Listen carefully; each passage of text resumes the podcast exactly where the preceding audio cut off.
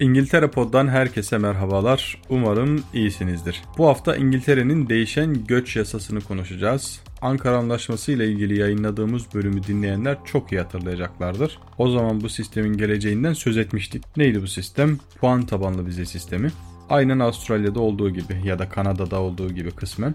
Önce genel olarak bu vize nedir ne değildir ona bir bakalım.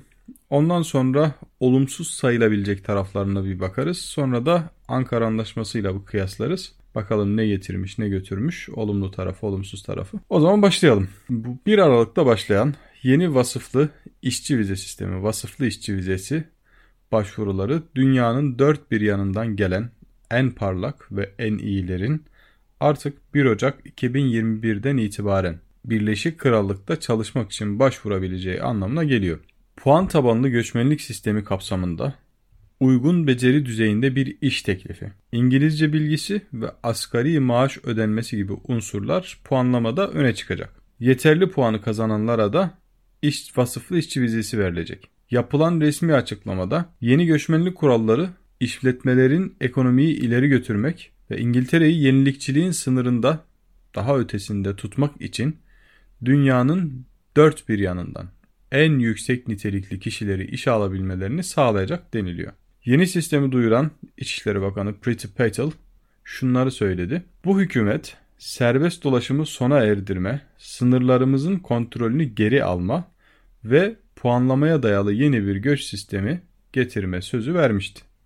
Bugün bu sözümüzü yerine getirdik. Bu basit, etkili ve esnek sistem işverenlerin ihtiyaç duydukları vasıflı işçileri işe almalarını sağlarken aynı zamanda işverenleri Birleşik Krallık'ta iş gücünü eğitmeye ve bunlara yatırım yapmaya teşvik edecek. Mühendislik, bilim, teknoloji veya kültür alanlarında istisnai bir yeteneğe sahip olanlar veya istisnai bir gelecek vaat edenler için yeni yollar açıyoruz. Söz konusu iş için devam etme oranı daha yüksek olmadıkça kişilere yılda en az 25.600 pound ödeme yapılması gerekecek. Yani yıllık kazancı 20 bin 22 bin pound olan bir iş için dışarıdan başka bir ülkeden İngiltere'ye vize başvurusu yaptığınızda vize başvurunuz otomatik olarak reddedilecek. Başvurular çevrim içi olarak yapılacak. Bununla birlikte başvuru esnasında kimliğini başvuran kişinin kimliğini kanıtlaması gerekecek. Yani orada biyometrik işte parmak izi alınacaktır, fotoğraf alınacaktır. Birleşik Krallık dışından yapılan başvurular için de 3 haftalık bir karar süresi belirlenmiş. Başvuru ücreti olarak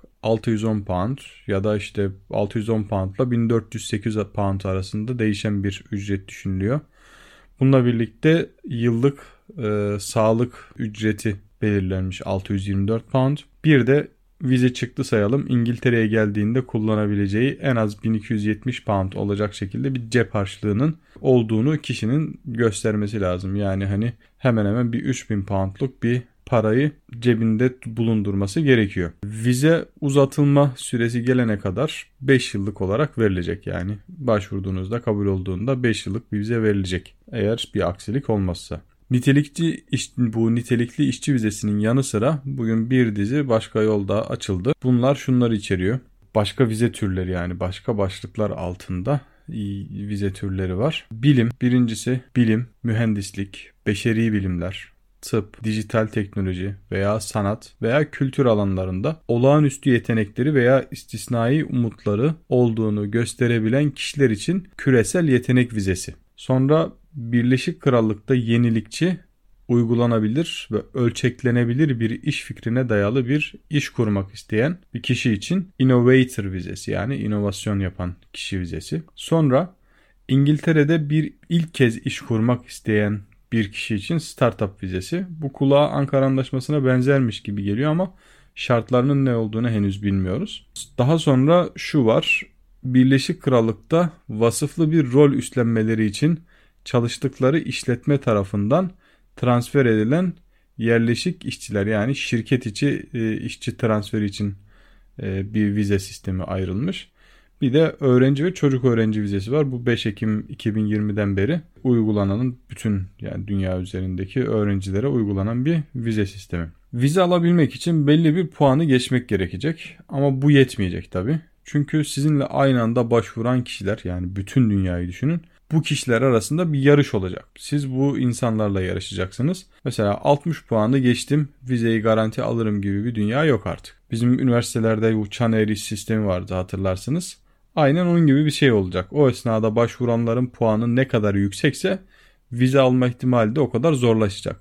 Ya da vizeyi alma ihtimali alma puanı o kadar yükselecek yani çan yukarıya doğru çıkacak. Diğer ülkeler özellikle de az gelişmiş veya gelişmekte olan ülkeler için bazı olumsuzlukları barındırıyor. Bunların başında kritik alanlardaki beyin, beyin göçü ihtimali ya da riski geliyor. Bu her ülkenin kaymak kesimi vardır, kaymak tabakası vardır, bir sosyetesi vardır. İşte bunlar iyi eğitimli, ülkenin gelişmesine katkıda bulunabilecek, katma değer üretebilecek bir topluluk. Şimdi bu puan bazlı sistemde bu topluluğa kapılar sonuna kadar açılıyor. Bu da İngiltere'yi onlar için bayağı cazip bir yer haline getiriyor. Sonra işte örneğin mesela teknolojiyi, e, geleceğin teknolojilerini bilen, onları geliştiren, işte kod yazan, oyun yazan, robot yapan, mühendislik yapan insanlara her ülkenin ihtiyacı var ve bu insanlar her ülke tarafından isteniliyor, talep gören insanlar. İngiltere'nin bu kesime vizeyi kolaylaştırması en azından bir kısmının Türkiye'den ya da kendi ülkelerinden artık nereliyse daha kolay çıkmasına, daha çok kolay ayrılmasına sebep olacaktır. Şimdi gelelim Ankara Anlaşması ile farklarına. Hemen şunu söyleyeyim. Ankara Anlaşması'nın bütün zorluklarına rağmen söylüyorum bunu. Ankara Anlaşması bu vize türüne göre daha kolay. En azından vizeyi alması daha kolay. Şöyle düşünün Ankara Anlaşması sadece Türkiye'ye özgü bir vize türü ve gerçekten birçok avantajı barındırıyor. Mesela iş kuracağım diyen adama şu kadar minimum sermaye getirmek zorundasın diyemiyorlar. Hiç parası olmayan bir adam bile bir fikirle başvurup bu vizeyi alabilirdi. Gelin görün ki yeni sistemde inovatif fikirlerden minimum gelir şartlarına kadar pek çok şey düşünülmüş ve